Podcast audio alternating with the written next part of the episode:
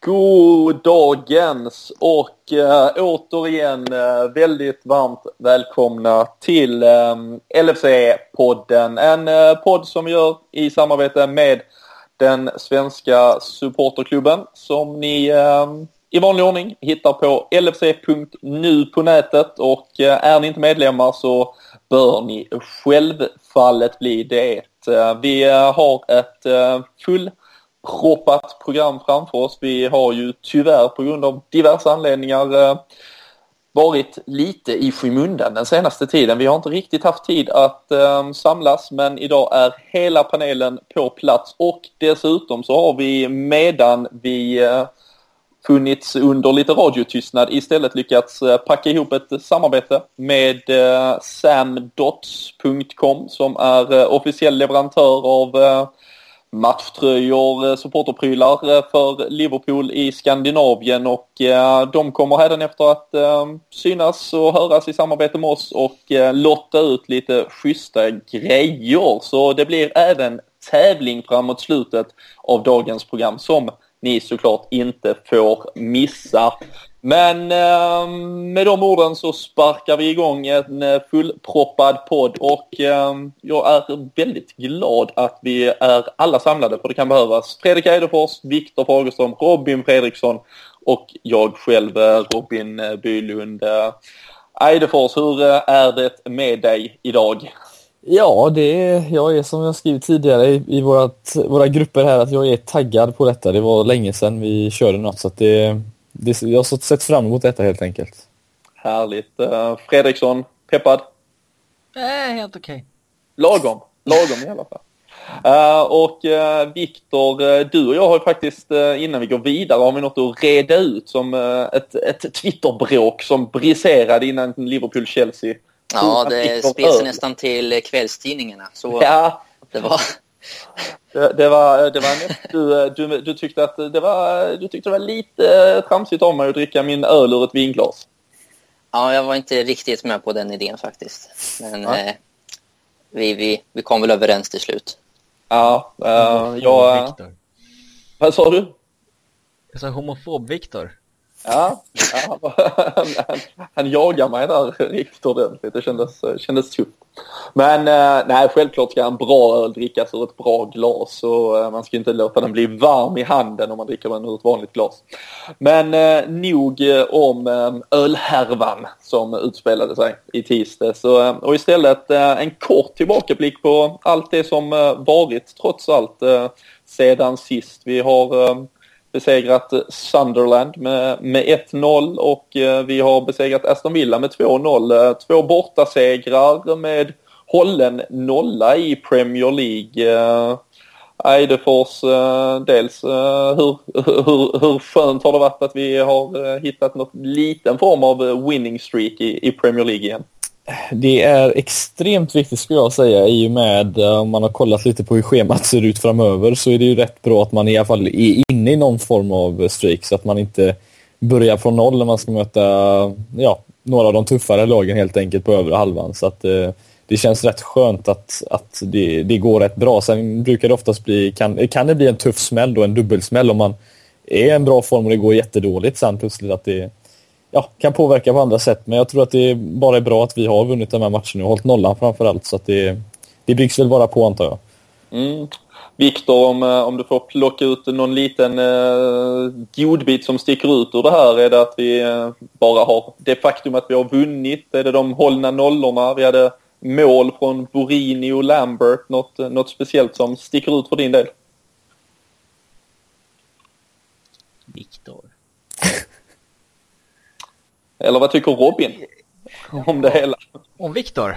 om Viktor. Jävla Nej, eh, då, det, det viktigaste är att vi vinner. Eh, men att vi har hållit nollorna är också jäkligt eh, lovande. Vi måste ju börja ta de här skit, eh, skitsegrarna när vi kanske liksom inte är jätte, jättebra. Men liksom ändå att man tar, tar sig därifrån med 1-0 och 3 poäng. Liksom det, det måste vi klara av om vi överhuvudtaget ska blanda oss in i toppstriden. Eh, så att eh, det är viktigt. Vi snackade ju för några veckor sedan också om att vi hade ett, ett relativt enkelt schema som vi behövde eh, där vi behövde ta ganska mycket poäng för att haka på inför slut, eh, slutmånaderna. Så att, eh, men vad tycker Viktor? Nu är han tillbaka. Victor. Ja, men... jag gick och diskuterade det här med ölglas lite. ah, okay. Jag tog en snabbis. Nej, Nej men, nej, vad, vad, vad tar du med dig från de här Premier League-matcherna framförallt? Vad har varit det viktigaste där? Det viktigaste är väl att det har blivit, eh, fått med oss alla segrar nu, för det har ju varit ett riktigt bra resultat. Eh, i, I Premier League vet jag inte eh, statistiken exakt, men på de 15 senaste tävlingsmatcherna så har vi en förlust och åtta vinster, sex oavgjorda. Och sen samt väldigt många nollor. Och det är väl att, att allt bara faller lite mer på plats. Att, eh, lite mer eh, topp fyra form på oss nu. Både framåt och bakåt och resultatmässigt. Mm om vi, om vi stannar vid de här eh, nollorna som ni har nämnt. Eh, det har ju även eh, synts lite på Twitter. Det brukar gå ganska snabbt när sådana roliga listor presenteras. Mignolet, den målvakt med flest nollor i Premier League. Om än delat med ett par andra, men sju stycken. Det, det, det har inte känts så.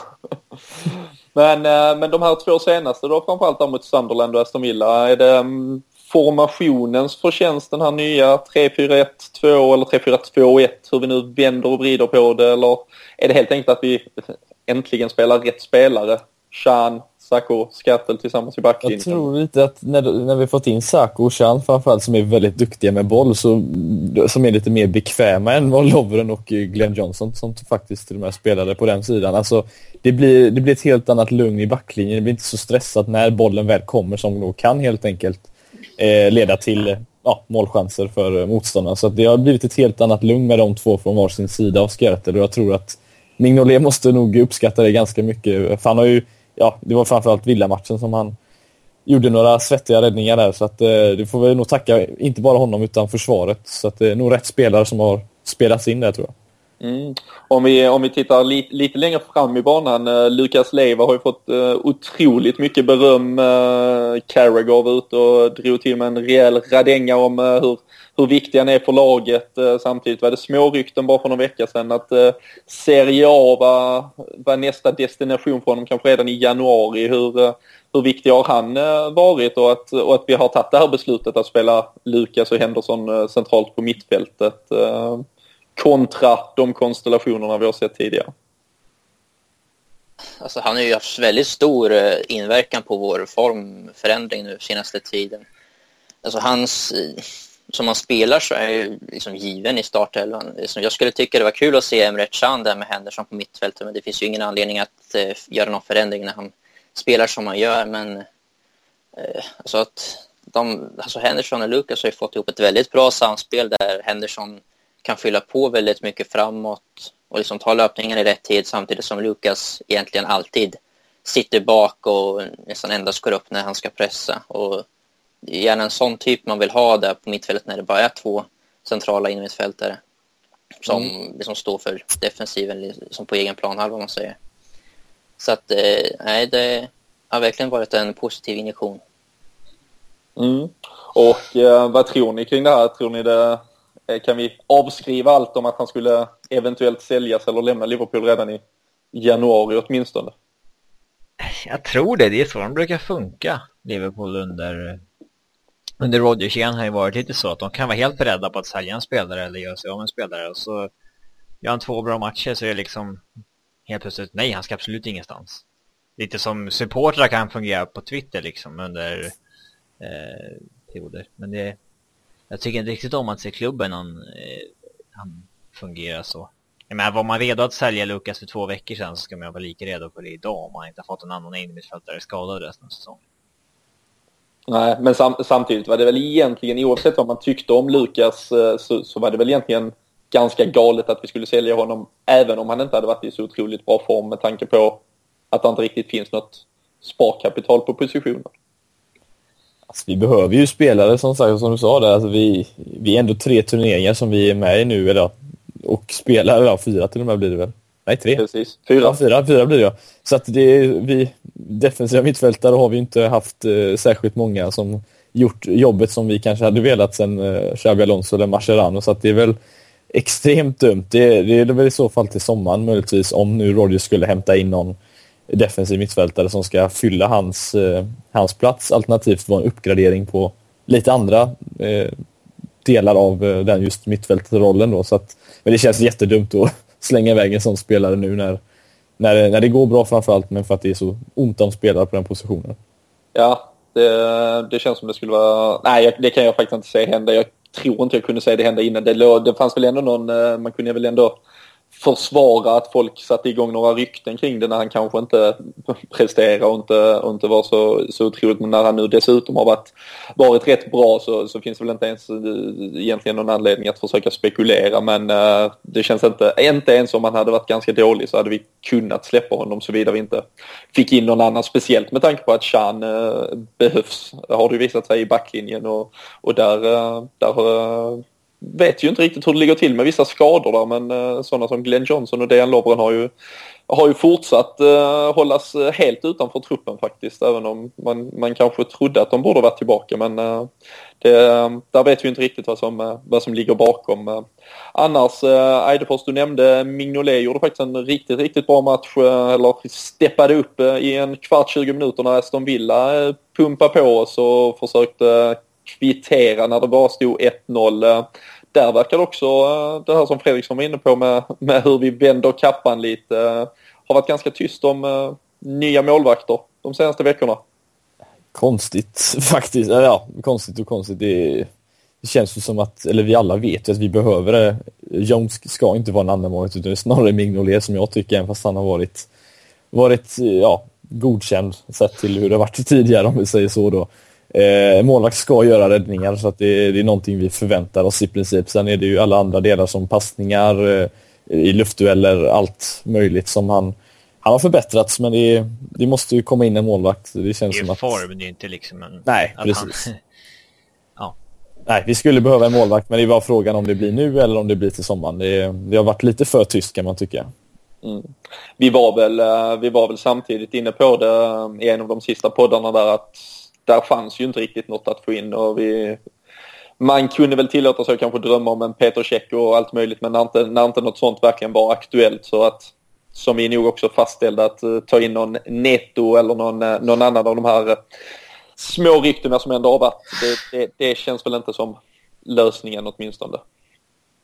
Så um, Mignolet lär vi väl ehm, få se mer av och uh, kan väl bara hoppas att han behåller den, den fina formen. Um, en annan form av uh, kappvänderi där, uh, lite åtminstone kring uh, Divock Origis situation i Lille. nu hade vi ju uh, både Pablo Borini och Ricky Lambert i målprotokollet där mot Aston Villa i den sista Premier League-matchen och eh, sen eh, tog det inte många timmar innan eh, Liverpool på något sätt bekräftade att eh, nej, nu låter vi Origi stanna i Lille. Är det, är det så illa så att det baseras på att eh, våra anfallare plötsligt gjorde varsitt mål? Skulle det vara så så är ju, alltså det är ju, då funkar ju klubben som liksom, ja, supportrar gör på, på Twitter. Liksom. Eh, så Men det var, ju, det var ju faktiskt ändå på något sätt bekräftat från Rogers på presskonferenser tidigare att vi, att vi ändå tittar på lösningar med Lill och ja, och... försöka och så, eller tror ni är det att Lill helt enkelt inte har, har hittat någon, det var ändå snack om att de ville ha in någonting för att känna att de kunde släppa. Ja, de eh, nobbade väl vårt första bud också för mig. Eh, eller så är det bara det här spelfelerierna att vi kommer med samma bud sista januari och, och tror att liksom take it or leave it då. Eh, jag vet inte, men... Eh... Medias orsak var att vi hade ändrat oss, att vi tyckte att vi hade täckning nu med Sturridge tillbaka, men alltså det, den situationen har ju inte förändrats. Liksom, det visste vi att han skulle komma tillbaka i slutet av januari. Så att... Och vi vet också att han har skullat komma tillbaka tre gånger men blivit skadad ja. varje gång han var på väg tillbaka. Ja, och även om han nu kommer tillbaka och stå, alltså det, läget har ju inte förändrats på de liksom, senaste 20 dagarna. Vi vet ju ja. inte mer nu än vad vi gjorde då, så det, det, låter ju konstigt. Det är väl kanske om vi tycker att eh, vi kollade på Rigi som en lösning i januari när vi liksom hade en så dålig form, men nu när vi har vänt och liksom de senaste 15 matcherna gjort riktigt bra ifrån oss, kanske tycker att alltså, det går bättre, vi klarar oss nu och alltså, det är ändå bättre för han. Alltså.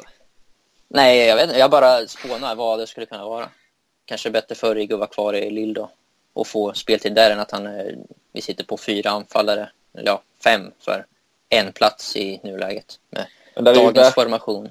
Men där är ju verkligen, alltså, för jag tycker alltså, alltså Borini och Lambert visste att de nu gjorde varsitt mål men de visar ju ändå inga tendenser på att de skulle på något sätt vara bättre. Alltså om man tittar på en sån som Lukas, han har ju trots allt ändå faktiskt klivit in och varit liksom en bra fotbollsspelare på något sätt. Alltså Borini och Lambert, de bidrar ju inte med något annat än att plötsligt så gick liksom, ja, han lyckades stöta in en boll Borini och Lamberts skott satt liksom. Men de, de erbjuder inte mer som fotbollsspelare idag än vad de gjorde för Nej, några veckor. Så um, äh, den är märklig. Det är många sådana situationer här egentligen där vi på några veckor uh, har, uh, och det känns lite i alla fall som att de, om de där målen de gjorde mot Aston Villa var det som fick oss att uh, varken då strunta i Origi och kanske inte titta mot andra anfallare om vi ens gjorde det. Att, uh, då kan det varit att de eh, kostar mer än vad de smakar de där målen åtminstone. För uh, jag kan ju inte se någon av dem ha har 5, 6, 7, 8 mål i sig här under, under våren. Och um, inte ens när vi spelar vårt bästa lag så kommer någon av dem vara aktuell att spela förhoppningsvis uh, framöver. Så um, nej, vi får se vad som händer där. Det har ju även varit väldigt, väldigt tyst på, uh, på Silly-fronten den senaste tiden när, uh, när de här ryktena med då Origi, målvakt och, och lite annat har dött. Så uh, vi får se vad som eh, händer när vi nu närmar oss sluttampen av januari istället. Är det något annat från Sunderland-matchen, Aston Villa-matchen, det lilla man kan minnas från dem som ni tycker vi bör nämna innan vi tittar mot vad som var här i denna veckan? Det är väl i så fall Markovic eh, Di Canio-spark som nästa gick in i, mot Sunderland. Där. Den är värd att nämna att den förtjänar ett bättre mm. öde kan man tycka. Som han, sedan, som han sedan försökte mot Chelsea också med ja. det sämre resultat. Men, eh, den, eh, den talar vi tyst om. Det, och kanske till och med Conor Wickhams reaktion på den, eh, om ni har sett den. Mm. Reaktionen på den hästsparken, den var... Han kommer lite i Jomir Vranjes också, lite såhär köttbulleform Eh, formation eh, och liksom och flyger in eh, magiskt. Eh, men nej, där har vi ju där har vi en till spelare som har, har växt de senaste veckorna får man väl, får man väl absolut säga åtminstone. Men vi, vi försöker väl spola fram bandet då till det som var i tisdags när Chelsea kom på besök och var ju, eh, vi mötte dem tidigare under säsongen och förlorade med 2-1 hemma i Premier League-sammanhang, vilket eh, faktiskt också var vår senaste förlust eh, på Anfield, så vi har åtminstone bättrat på oss där och, ehm, och nu var det väl om man minns hur det såg ut då, så ändå ett helt annat Liverpool som tog emot Chelsea. Vi mönstrade ju absolut bästa lag vi kunde. Chelsea gjorde detsamma trots att det är ligacupen men eh, vi är ju framme i eh, semifinal. Eh, hur, hur viktig tror ni att de här matcherna är och den här semifinalen ändå är för Chelsea? Vi, vi vet väl att den är ganska viktig för oss men hade ni förväntat er att Chelsea skulle komma med absolut toppat lag? Ja, det tror jag. Det är väl både för att Chelsea har ju så bra lag nu och trupp och hela klubben är ju liksom i en bra fas. Att de vill nog vinna så mycket de bara kan. Även om det är Capital One Cup. Så eh, det kändes ganska väntat. Och sen Mourinho har ju haft sina duster mot Liverpool och han vill nog gärna liksom slå ut oss. Jag tror inte han skulle vara särskilt nöjd om de åkte ut. Och speciellt inte i semifinal också. Det är, dubbelmöte mot Liverpool är ju något han har erfarenhet av. Så att, eh, nej, jag tror verkligen att de de vill verkligen vinna. Sen får vi tänka, det var ju en tisdag också de spelades och nästa match blir väl lördag, söndag för båda lagen. Ja, framförallt så har ju Chelsea Bradford hemma och Liverpool har Bolton ja. hemma i FA-cupen. Så där, där, där, var ju, det var ju upplagt för att kanske spela sina bästa spelare och kunna istället rotera framåt helgen som kommer. Men eh, vi eh, fick ju otroligt mycket beröm och med den rättan vi gjorde ju en fantastisk match eh, enligt eh, de flesta och säkert enligt er också. Men eh, vad eh, tyckte ni om vi försöker vara helt ärliga? Var det, var det vi som var väldigt, väldigt bra eller gjorde Chelsea oss på något sätt eh, bra genom att eh, vi diskuterade lite på Twitter Robin att de, du tyckte ändå att bussen var halvt parkerad redan från start och att de släppte upp oss rätt rejält. Ja, men det känns att de gick på ett klassiskt Mourinho-sätt kom dit för att spela oavgjord och försökt, försökte ju inte ens ta tag i matchen själva utan eh, jag var väl lite oförstående till varför de gjorde det för varje gång de ens hade bollen på sin planhalva så kändes det ju som att det kunde hända någonting.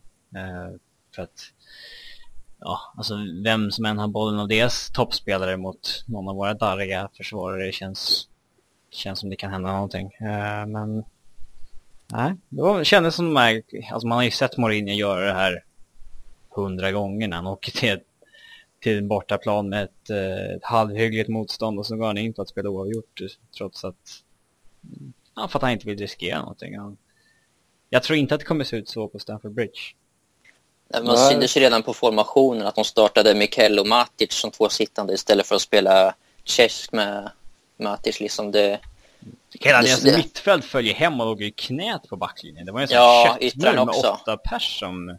Eh... Då ska vi även tillägga att även fast de tillät oss på det sättet, för jag är lite inne på ditt spår också Fredriksson, att det kändes som att de hade kunnat lägga i en annan växel och kanske göra ett, ett mål till om de hade velat. Men många av situationerna som var i andra halvlek så såg de darriga ut. De slog iväg sig bollar, vi pressade dem rätt högt. Så det var inte bara på grund av att, att de helt enkelt eh, körde defensivt utan vi var vassare än vad vi har varit tidigare. Så det får vi faktiskt ge oss. Men hade de velat så hade de kanske kunnat lägga i en, en extra växel och hota oss betydligt inte, mer andra halvlek. Jag tror Mourinho är nöjd med resultatet för det är Absolut. ju en fördel Chelsea nu men jag tror inte han är nöjd med prestationen. För vi var ju liksom det är ju skillnad på, hade det varit 0-0, alltså när vi förlorade 2-0 i slutet av förra säsongen så alltså, då hade det varit helt andra, då hade de ju varit väldigt, nöjd, väldigt nöjda med prestationen, även om de inte hade vunnit. Ja, nu var just vi ändå stolta just för att vi, vinna. Ja, för då liksom fick vi panik, vi kom ju ingenstans. Liksom det, de var ju, liksom, hade ju oss i fäste hela matchen. Men här var vi ju på dem, vi pressade, speciellt i andra halvlek när vi började skapa liksom flera chanser så alltså, de hängde ju inte med. Liksom Matic och Mikel, liksom, de tappade ju bort våra offensiva spelare många, många gånger. Och liksom, publiken höjde oss istället för att sänka oss som de gjorde då i slutet av förra säsongen. Och jag vet inte hur vi inte vann med två mål. Liksom. Det, så att, eh, Courtois är anledningen. ja. ja, och Nej, lite jag... dåliga avslut. Men så att, du är ju absolut eh, inne på något där. Alltså om vi tar, eh, om vi spolar bandet till, till maj månad senast när vi, när vi mötte dem i den där väldigt trista matchen. Då var det ju en extremt parkerad buss, eh, ännu djupare i stort sett och, och faktiskt med sämre spelare om vi får säga så om en ändå ganska bred Chelsea-trupp. Och då kom vi absolut inte igenom. Nu, eh, nu hittar vi ju eh, snabba kortpassningar, lösningar och, och, och var faktiskt igenom. Och som sagt ett stolpskott och en fantastisk räddning på ett Lalanas skott och, och, lite annat ifrån att faktiskt vinna det här. Och det är ju som sagt bara deras straff som gör att de själv får ett mål. Så eh, det, även om det var ett då defensivt Chelsea som tillät oss att spela fotboll så, så känns det som att det, jag, jag tycker det är den bästa matchen vi gör på otroligt länge ändå. För eh, det är inte så lätt att spela fotboll även mot ett Chelsea som kanske tillåter en att göra det till viss del. Jag tycker också det är vår bästa match den här säsongen i alla fall. Alltså alla, ju, alla spelare gör en riktigt bra match, alltså bra eller bättre. Förutom Minolero som fick en straff att jobba med på 90 minuter. Så inte så mycket att, något märkvärdigt att jobba med där, men liksom alla utspelare gjorde liksom bra eller bättre. Så ingen var ju okej okay eller halvdan, liksom average, som vi har sett tidigare på säsongen. Utan Nej, det var en ganska det var stark prestation sig. från alla. Alla ville vara med. Alltså även i, både i liksom sätta fart på bollen och man ville spela fotboll. Det var ingen som... Men Rodgers satte ju sitt byte där. Tog ut Gerard mot Chelsea. Det, det mm. har vi inte sett så ofta tidigare. Men Nej. det var ju helt riktigt. Men troligen kanske lite på grund av att han inte är helt fit för 90 minuter. Men, eh, jo, det är säkerligen, men det, det ändå. Kan, det kan vi eh, låta, eh, låta ligga till historien. Men eh, du nämnde straffen som Chelsea fick. Ska vi, ska vi bara konstatera att den var korrekt eller är det någon av er ja. som att den inte var ja. det? Ja, min pappa tyckte inte att den var det. han är fruktansvärt enögd när han kollar på fotboll. Det är, rent, det är extremt alltså. Du vet när, när Skertel var offside på någon frispark i första, då var han liksom inne på att han var ju bara så lite offside, det kan de ju släppa liksom. här, vad fan, liksom. Den är bra. Mm. Och varje, varje gång bollen studsar på någon i straffområdet, bara hans, den tog ju på handen, så kommer Thiesen mitt i bröstet i pok. Ja. Ja, men det är synd att domaren, det enda stora domslutet han får ta i matchen, det sätter han. Eller, det enda, domslutet, det enda stora domslutet han tar i matchen går emot oss, om vi säger så. han var, re, han var röten i den matchen alltså. Ja, men han kunde ha tagit nästan som... Men lite, alltså vissa domare kunde ha tagit rött för fyra, fyra, fem situationer i matchen, men han satte bara, tog bara straffen och sen la han av. Alltså jag, jag vet inte, jag, jag, det var väldigt många som liksom skrev att oh, Atkinson var så jävla dålig. Och det, alltså jag tyckte nog han var rätt bra. Jag vet inte om jag var den enda Nej, men det, jag, alltså, jag tyckte att det var inte, kanske inte så många solklara. Han gjorde, ju, han gjorde inga fel. Vad skulle vara rött? Oh, ja, men, alltså, Mikael kom in med rak, rak, rakt bens dobbar upp i första halvlek. Costa upp med hand i ansiktet. Eh, Skertes armbåge på Diego Costa. Ja, Skertes armbåge där. Eh, Filippe Luis hand i ansiktet. Eh, Courtois tog med handen utanför straffområdet. Terry höll fast Störling som... Det är ju sådana där eh, bedömningssaker, men ofta så kommer sån... Någon av de där fyra, fem, sex sakerna tar man ju. Det enda han, han, var alltså, han droppade allt. Det enda jag tyckte var helt sjukt, att... det, var när, det var när Sterling blev fel där utanför straffområdet. Markovic kör dem på kanten och så lämnar han fördel. När vi då Gjorde han ens det? Höll han upp armarna? Ja, absolut. Men det är ju en bisarr fördel, för det är ju ingen fördel. Ja, nej. Alltså, I det läget få en frispark hade ju varit uh, underbart. Men uh, vi, vi lämnar det om, uh, om domarinsatsen. Uh, några individuella spelare som förtjänar en, en extra applåd från Chelsea-matchen. Ja, tycker det är svårt att välja en. De flesta var ju bra, så det är svårt att säga alltså, någon som stack ut. Coutinho, Lucas, Henderson, Sterling, Chan och Sakho tycker jag var de som stod ut mest. sex spelare. Liksom. Jo, det. Ja, men det går inte att välja en för fan. Uh, Eidefors, du nämnde Chan. Ja, alltså jag, jag tycker Carragher var lite hård mot honom faktiskt i det som jag läste, eller det han sa till faktiskt. Det är, det, jag tror inte det är någon som hänger med Hazard när han börjar dribbla och, med sin eh, snabbhet och låga tyngdpunkt. Så det, det får jag faktiskt inte ge, ja, sån skit får han inte av mig utan jag tyckte han höll honom rätt bra och eh, gjorde en hel del fina grejer i andra halvlek. Eh, trycker på ganska bra från högerkant, nästan som en högerback när han kommer upp där. Så att eh, han, eh, han får extra mycket av mig. Sen Sterlings mål ska vi faktiskt inte den får men, vi ju nämna också. Absolut, men i, i försvar, det var väl egentligen lite symfoni kan man säga. Det var det enda vi gjorde rätt då. Hela försvaret är det som rann upp till att bli straffen. Där vi typ först trodde bollen var över sidlinjen. Vi började jogga istället för att springa i full fart. Där, vi, där gick vi ju tyvärr bort oss lite men uh, kändes mer som att det var hela den kanten som försvarade lite, lite märkligt uh, innan Hazard väl var helt igenom. Fredriksson, någon, eh, någon spelare från din del som uh, förtjänar en, en guldstjärna? Alltså, jag vet inte om någon av dem liksom individuellt har glänst så mycket, men jag tycker den här liksom, trebackslinjen är så jävla skön att se när man framförallt är van att se där man har sett tidigare under säsongen. Liksom. Uh, där det liksom, det är inte på någon elitnivå, men ändå på en mycket högre nivå än tidigare. Och hade vi bara haft ett ordentligt ankare i mitten istället för Skerter så hade det ju känts jätte, jättebra. Ehm, men eh, jag tycker att det, den funkar liksom skitbra. För både Chan och Sako som är jävligt bra med boll och liksom hittar passningarna framåt. De, de kan ju liksom de kan ju kliva uppåt om de känner för det i och med att det är två mittbackar kvar då, som bara täcker upp. Så att det, jag tycker att det funkar riktigt bra. Mm.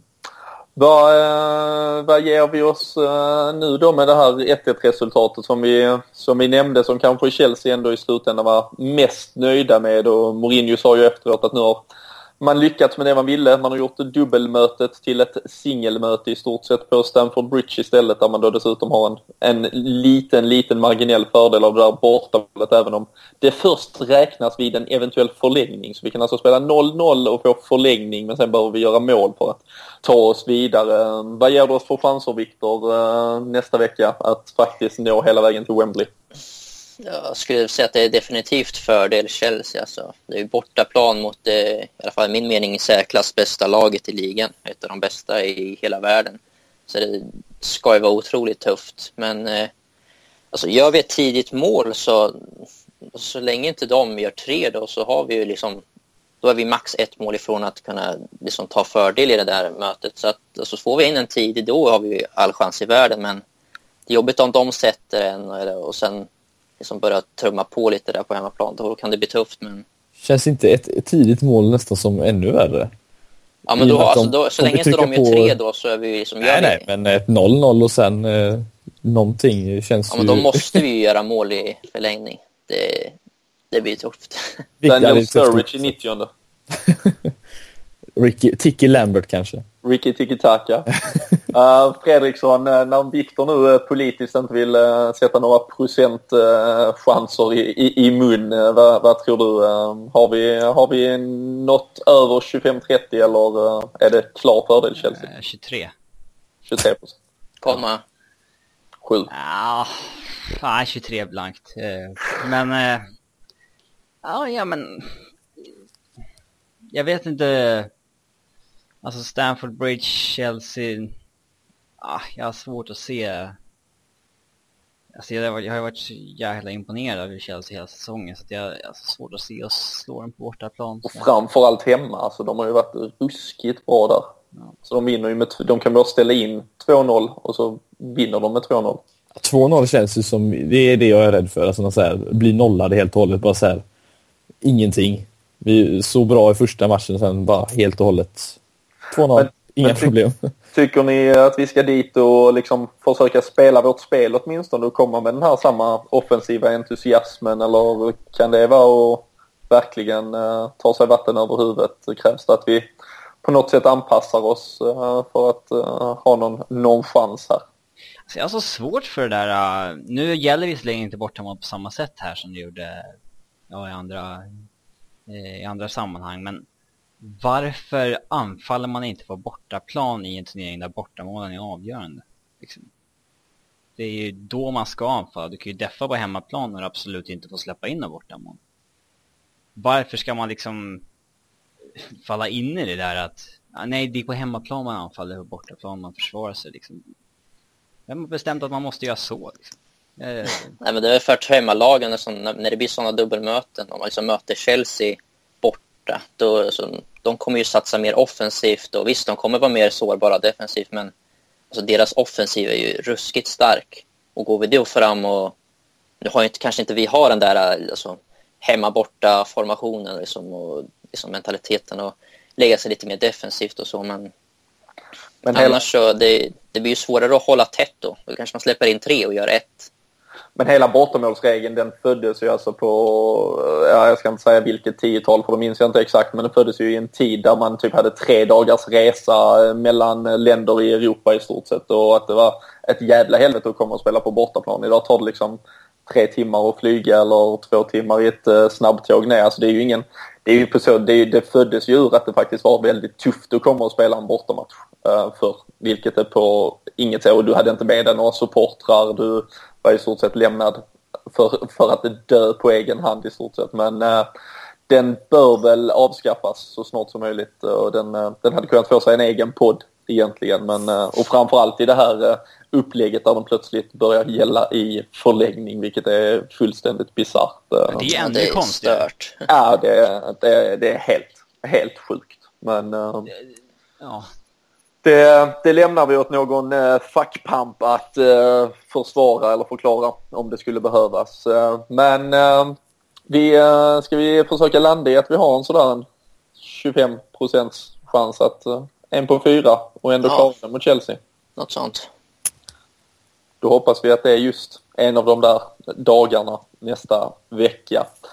Um, om vi summerar här med alla de här matcher som har varit och ett spelsystem som nu har uh, satt sig lite mer och mer i den här trebackslinjen. Uh, Markovic Moreno har väl uh, lite mer uttalat slått sig fram som de första alternativen på wingbacksplatserna och som sagt Lukas Henderson har mer och mer byggt eh, det nya inom mitt fältet. Ehm, vad, vad, vad, tycker ni om eh, systemet i sin helhet och eh, hur, hur har vi växt som lag? Vilka spelare har växt? Det finns mycket att frossa i vad gäller detta och Eidefors, dina tankar kring det?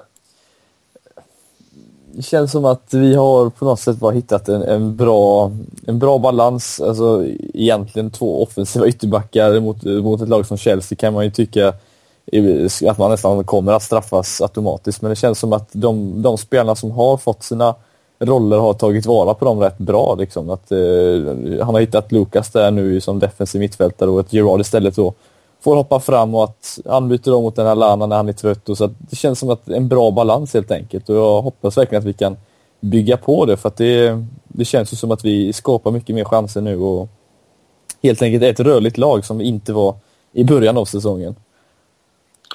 Um, Robin, om vi kikar på spelare som har växt kontra spelare som det kanske här inte alls är bra för att vi plötsligt spelar på det här sättet. Um, finns det något att plocka ut där? Spelare som det inte har varit bra för? Ja, eller som det har varit väldigt bra för. Ja, det har varit bra för Chan och Sako och för ytterbackarna som hade lite svårt att hantera liksom, Moreno.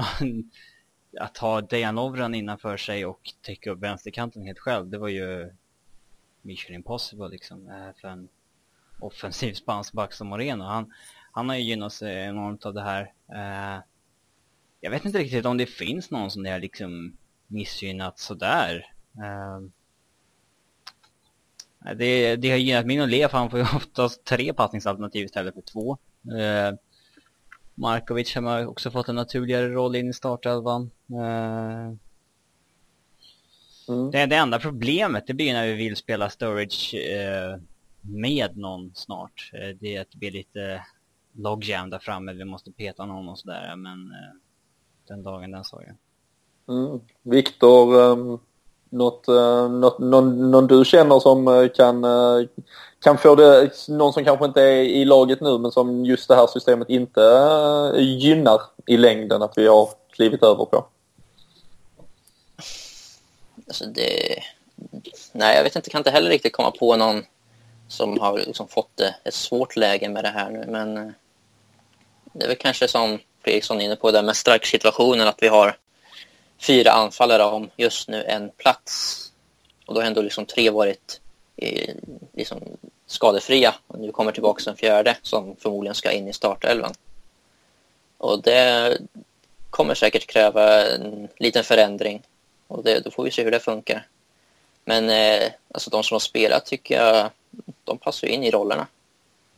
Mm. Men känns det som att Coutinho har, eh, har fått, nu får de en extra offensiv mittfältare om vi säger så, att, att tänka på helt enkelt. Eh, och då får, känns det som att han får mycket mer yta att kunna röra sig och eh, känns som att han helt enkelt har växt in i den rollen ganska bra. Att, lite mer frihet och inte lika mycket markering på sig själv utan där kan han ju nästan springa runt lite hur han vill och det har vi han har ju varit väldigt bra på sistone så att eh, Ja, han är nog den jag tycker har höjt sig mest av formationsbyte. För han hade en väldigt knackig inledning på säsongen med hans trademark där lite ojämna insatser. Men han har blivit mycket mer konsekvent i sitt spel och riktig katalysator för vårt offensiva spel. Det är som, du säger, han rör sig väldigt fritt. Det är nästan två fria roller där bakom striken på sätt och vis. Ska hitta luckor egentligen och få fram spelet. Eh, och sen är det väl Lukas också som kanske klev fram när bytet kom. Mm. Nej, jag kan bara instämma. Alltså, Coutinho tycker jag har växlat upp eh, fruktansvärt och eh, varit eh, helt magisk faktiskt. Eh, på något sätt, vi, vi spelar lite så här mm, alltså, ruggig charmoffensiv där vi bara sätter fart på bollen där uppe. Eh, jäkligt kul att se Gerard med Coutinho och Sterling första ja, åtminstone första halvlek. Sen eh, slog det av lite men eh, där de liksom kortpassningar och klacksparkar och skarvar och, och verkligen eh, njöt av att spela Snabbt. Ja, fan hade Gerard tre klacksparkar i första halvlek mot Chelsea, eller vad var det? Var det Zidane 06 det där va? Lite, ja, lite ja, bra. bara hela tiden.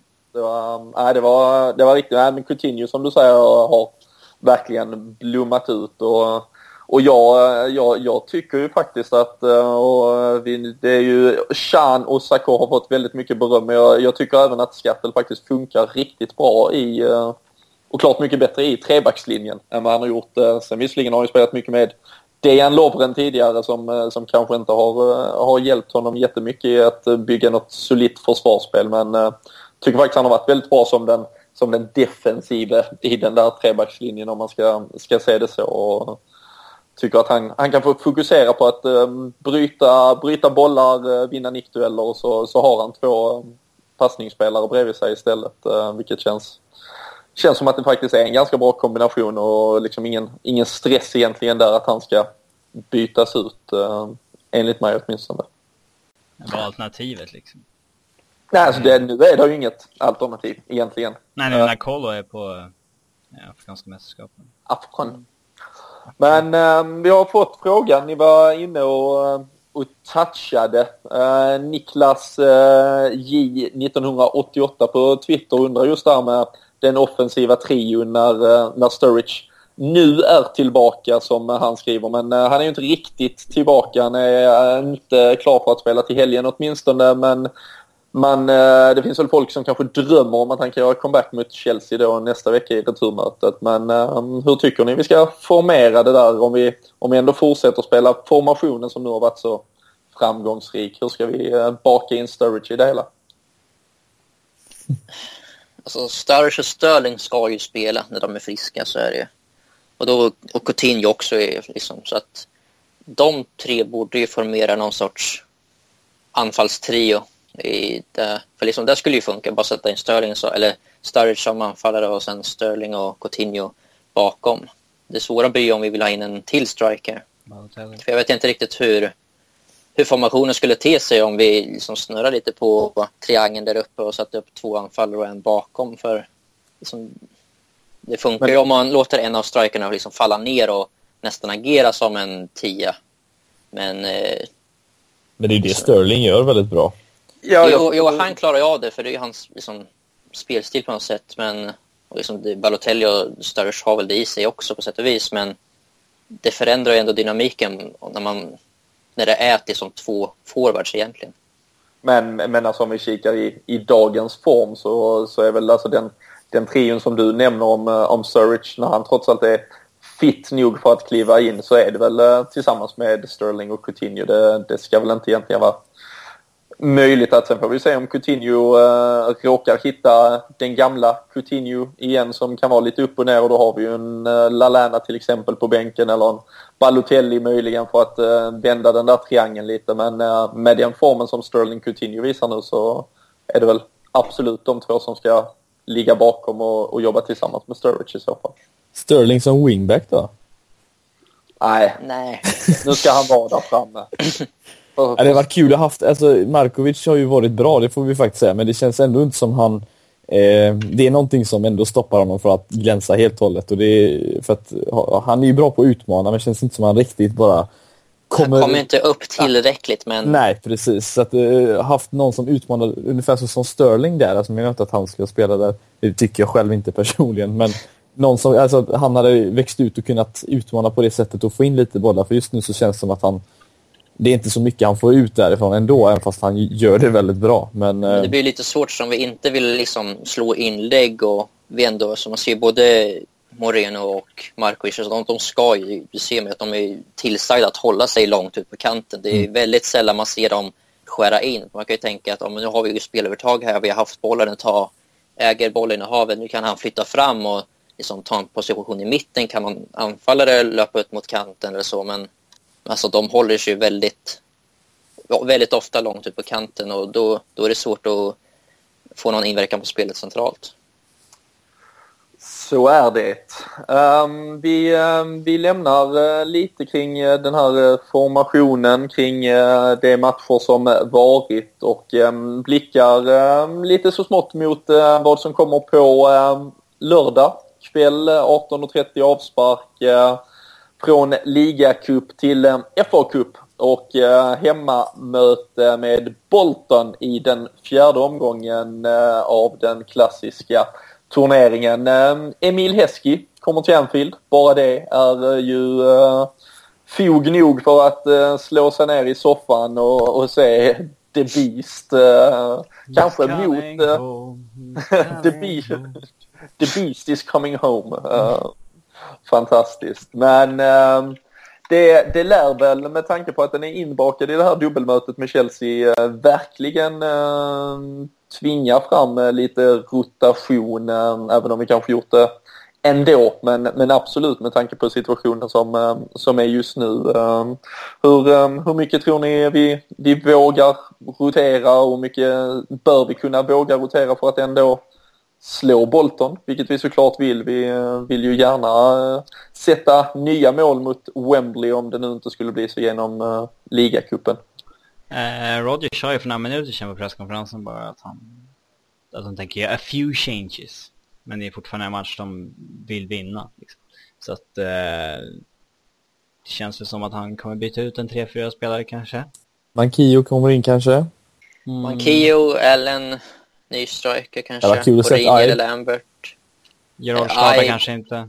Ibe är tie tydligen. Ja, det är han. Ja. Eh, Varför har vi kallat tillbaka honom med förresten? Ta han ens en plats på bänken ifall vi inte har jättemycket skador? Um, nej, antagligen inte. Det, får vi väl se. vi, uh, det, det, får vi ägna en annan podd åt, Robin. En hel podd åt Jordan Ibe? Ja, jag tycker ja, det.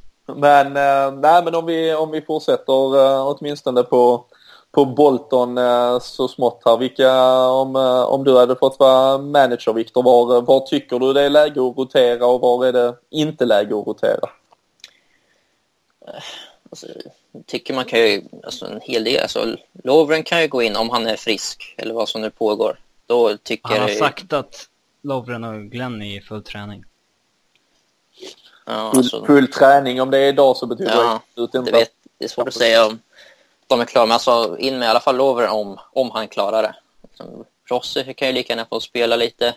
Mankio och Allen ska ju definitivt in. Och tycker man kan ta in en av alltså Borini och Lambert också.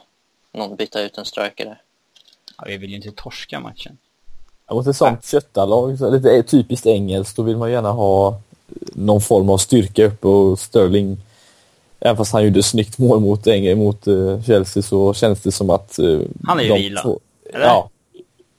Han är det, ja samtidigt så, så vilar han ju rätt eh, rejält här för några veckor sedan. Men, eh, ja, men kanske det, sätta in Lambert, Lambert säger vi och sen flyttar in Sterling som offensiv mittfältare och ta ut Coutinho. Han kan få vila lite. För Sterling borde väl ändå vara hyfsat fit efter hans lilla uppehåll och han kan väl bli utbytt om det, om det blir så sen. Inte vända på triangeln och spela Lalana bakom Borini och Lambert, kanske? Kanske. Jag vet ju inte hur det funkar. Hur men, står det till med Super Mario? Ja, han och Sturridge eh, instagrammar ju idag att eh, mm. brorsorna snart skulle göra kaos i stort sett på. Eh, står ju fram emot att spela med, med varandra. På skausiska. Ja. På skausiska. Men eh, Nej, men jag, jag tycker om vi i alla fall tittar på laget att behålla, jag hade väl helst sett att vi kanske behöll backlinjen egentligen. Ja, varför röra upp där? Liksom? Ja, jag känner inte det. Alltså, jag vill gärna se Mignolet, Chan, Skattel, Sacco bara mm. fortsätta. Det är många matcher. Vad sa du? Det är många matcher, det är väl det. Låta någon ja. vila. Men förhoppningsvis så ska de ju stå i stort sett stilla på mittplan när vi för den här matchen. Och så ska de bara ta hand om Emil Heski lite då och då. Så det... det finns ju hur många backar som helst som spelar liksom 45 matcher på en säsong. Liksom. Och vi har ju faktiskt inte särskilt många andra. Nej, alltså Sak har ju, han är ju inte, han vilade ju första tre månaderna typ liksom. Uh, och Shana, han var ju, syntes ju inte till på två månader heller. Så här. De, de kan ju knappast vara utmattade. Nej, Nej men Skerto jag... har ändå spelat ganska mycket. Det, uppenbarligen klarar han det. Och det har han ju alltid gjort uh, egentligen. Um, ja, jag hoppas vi behåller den. Uh, som ni sa, Mankio uh, kommer nog in på ena kanten. Uh, jag vet inte om jag tycker Joe Allen ska spela. Jag ser hellre att Lukas fortsätter och kanske... Vilket Rik också komma på nu. Liksom. Är ja. som borde spela. Ja, men samtidigt tar vi in Mankio på en, alltså Mankio och José Enrique då som wingbacks. Uh, känns ju sjukt tråkigt. så äh, jag hoppas kanske om vi spelar Mankio på höger-wingen uh, så kan vi nog ha något uh, offensivare på vänster-wingen i alla fall. Uh, du kanske får se Sterling på en vinge nu Eidefors. Uh, jag vill inte det. så. Jag, bara ett, ett, jag vill bara få upp diskussionen lite. Ja. Men eh, någon speciell Rossiter eh, har vi eh, några av oss eh, nämnt här. Eh, någon annan eh, liten joker ni hade kunnat eh, tänka er få se lite av som vi inte har sett på, på ett tag i sammanhangen. Brad Jones. Han är ju svår. Riktig joker. Eh, har det varit mycket snack. Uh, Sheji Ojo, den unge som går lite i Sterling, Jordan Ives fotspår. Vi, vi har en sån där uh, duktig ytter i alla årgångar känns det som. Uh, kan det vara läge på honom? Ja, bänk tror jag i så fall. Så slipper vi ändra för mycket i startelvan och för många nya ungtuppar. Men eh, ett inhopp vore inte fel. Vi, uh, vi får se uh, vad det blir uh, av det till slut här. men, nej, men antagligen att vi, att vi åtminstone tar, tar det så pass seriöst eh, att, vi, att vi verkligen vill vinna. Det, det vill man väl alltid men, eh, men, men det känns verkligen som att vår, vårt mål att trots allt nå, om det, om det är lite Gerard eh, sortin som kommer att göra det men att vi vill till Wembley, att vi vill vinna något i år verkar ha fått sig lite tändvätska åtminstone och vi får det ju tufft mot Chelsea så att vi, att vi vill ta tillvara på våra chanser i, i FA-cupen kan vi nog vara rätt så säkra på. Så uh, vi lär ha ett ganska starkt lag. Det lär inte vara bara reserver om vi säger så. Det, det är pinsamt om uh, Ivanhoe gör mål på oss.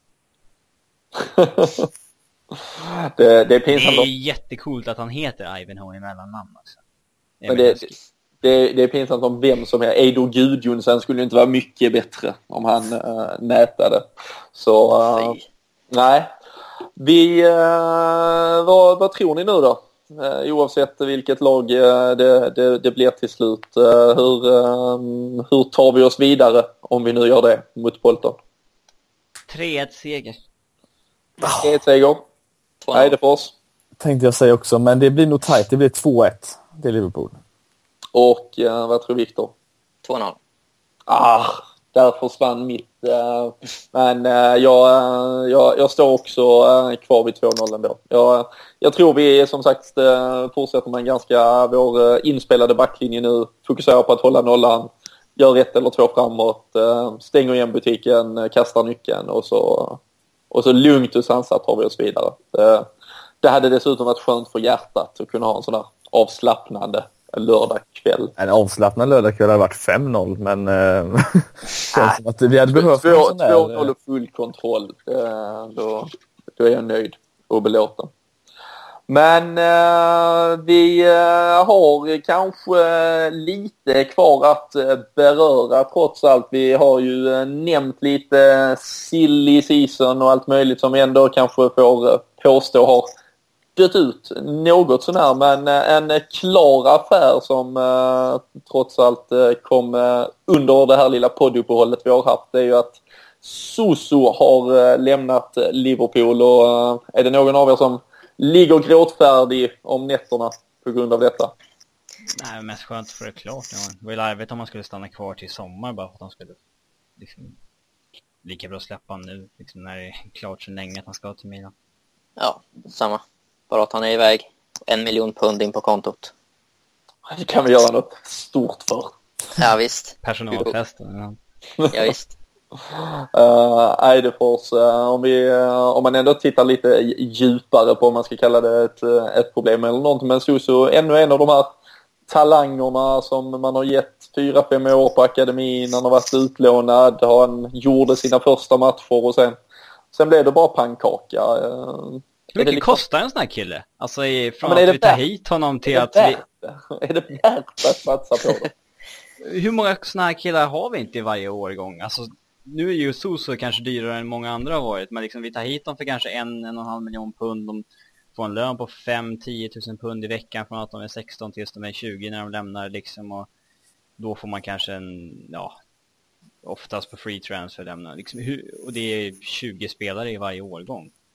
Det kan ju, man måste ju nästan få fram någon från egna akademin, alltså Alltså på varje kille man får fram så går det ju 25 misslyckade spelare också. Så ja, det, men man, räkna knappa... på, om vi skulle, liksom, hur mycket pengar tjänar vi inte på att ha, alltså Sterling, Ibe, Rossiter kanske, liksom, eller ja, bara Sterling och Ive, räkna på dem, hur mycket pengar vi tjänat på dem. Ja, fast vi tjänar, ja, men det är ju det tjänar ju inget på dem förrän vi säljer dem heller. Vi, vi, tjänar, vi slipper köpa in en spelare för 40 miljoner pund som spelar Sterling är ju en som lyckas, men det går ju 20 misslyckanden på varje spelare. Ja, givetvis. Men jag vet faktiskt att vi nämnde detta här i ett, uh, podd, ett av våra första poddavsnitt faktiskt. För vad det nu blir, två år sedan i stort sett. Men där vi, då snackar vi visserligen om uh, toppspelare som Danny Pacheco, Jay Spearing med flera. Att om man liksom hade kanske rent break-even i slutändan tjänat på att bara lägga ner sin akademi. Inte ha en enda ungdomsspelare och bara köpa färdiga produkter. Och det är ju tyvärr en sanning som känns som att den ligger ganska nära. Att man det vore kul att få en siffra på en vanlig på en vanlig spelare, typ Pacheco eller någonting, vad har han kostat Liverpool?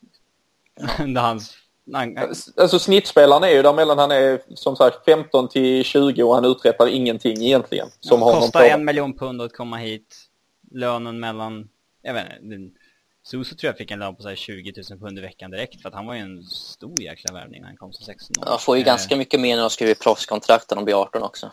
Ja, eh, jag har svårt det är inga falkoutsummor kanske, men... Uh... Jag, jag har väldigt svårt att se att vår akademi ska ha varit lönsam de senaste 20 åren. Nej, och det är ju även, även om du säger så Viktor att vi då har sluppit köpa in en spelare så kan man, alltså rent i ekonomins värld av det hela kan man inte riktigt räkna så utan tjänade pengar kommer ju först när vi faktiskt genererar pengar på de här spelarna. Och... Men då hade vi ju gått bakåt. Då hade vi kanske inte, alltså, då hade vi inte legat i toppen av Premier League så här länge om vi hade sålt alla guldkorn. Då hade vi gjort av med lika mycket sen när vi ska köpa nya. Då hade vi gått noll i alla fall. Då hade vi varit tillbaka på ruta ett. Nu har vi ju alltså Det här ser mer ut som en gigantisk liksom. minusaffär snarare än att den skulle gått noll. Tror du inte? Ja, men om du säljer bara säljer Sterling, ja då räknar vi in 40 miljoner pund säger vi. Men då ska ju de pengarna in, som det ska ju in i truppen igen sen. Då har vi förlorat en stjärnspelare i laget. Det är ju inte, kan ju inte vara ett plus. Visst, det kanske inte kommer in i ekonomin förrän vi eventuellt säljer, men vad, vad har Gerard, Carragher, Sterling och kanske Aib, vad kommer de ha gett klubben ekonomiskt? Det är ju stora summor. Det är ju svårt att sätta värde på när man inte får någon liksom, försäljning av dem, men, men det, det är ändå otroligt mycket värt att sådana spelare finns fast, och har kommit fram. ska ju också, alltså nu, nu slänger du in Jordan Ibe i det hela, han är ju liksom inte... Nej men jag bara, det är ju för framtiden. Liksom. Ja, Sterling, Sterling närmar sig absolut, men då är vi ju ändå fast alltså Sterling är ju faktiskt den, den första sedan Gerard och Carragher. Och han är... Owen får man väl ta med i samma... Vad sa du? Owen får man väl ta med i... Ja, Owen, absolut. Men, men jag skulle säga att Sterling kom ju för en svensk summa på en miljon pund som kunde stiga till fem miljoner pund ifall han fyllde mass, alltså, vilket jag antar att han har gjort. Ja, han börjar ha kostat fem miljoner pund så att eh, det är inte gratis heller att de där. Eh, även om det är klart att det är värt den investeringen. Eh, ja, jag undrar hur många misslyckade en miljon punds värvningar man har gjort i akademin de senaste 20 åren. Det, det, är som de här 100 kronor betten man lägger på lördagarna när man bara slaskar in massa matcher och så går det åt helvete. Ja. Men, eh, och sen sitter ett och då jävlar blir man så nöjd. Men uh, nej, vi, eh, jag tycker vi avrundar där eh, mina vänner. Vi har eh, hunnit med väldigt mycket av det som varit och vi har hunnit nämna det som komma skall. Bolton i FA-cupen eh, till helgen, eh, lördag 18.30 och eh, som vi puffade lite för i början av podden så har vi dessutom i samarbete med Sam Dodds nu en eh, tävling där det gäller att tippa resultat i denna match, alltså Liverpool-Bolton i FA-cupen och eh, man gör det genom att eh, skriva till oss på Twitterkontot eh, LFC-podden vad man tror att matchen slutar. Och dessutom vem som är siste målskytt. Och Eh, vilken minut detta mål faller i. Eh, ska man ha en chans att vinna ska man dessutom eh, retweeta en eh, liten tweet som kommer att slängas ut här senare på Twitter och självklart även följa oss där. Så se till att ni uppfyller kriterierna och ös på med vad ni tror att matchen slutar så har ni chansen att vinna en grymt snygg eh, Liverpool t-shirt. Men eh, med de orden stänger vi igen fabriken och tackar för oss. LFC-podden tillsammans med LFC.nu önskar er en fortsatt bra dag.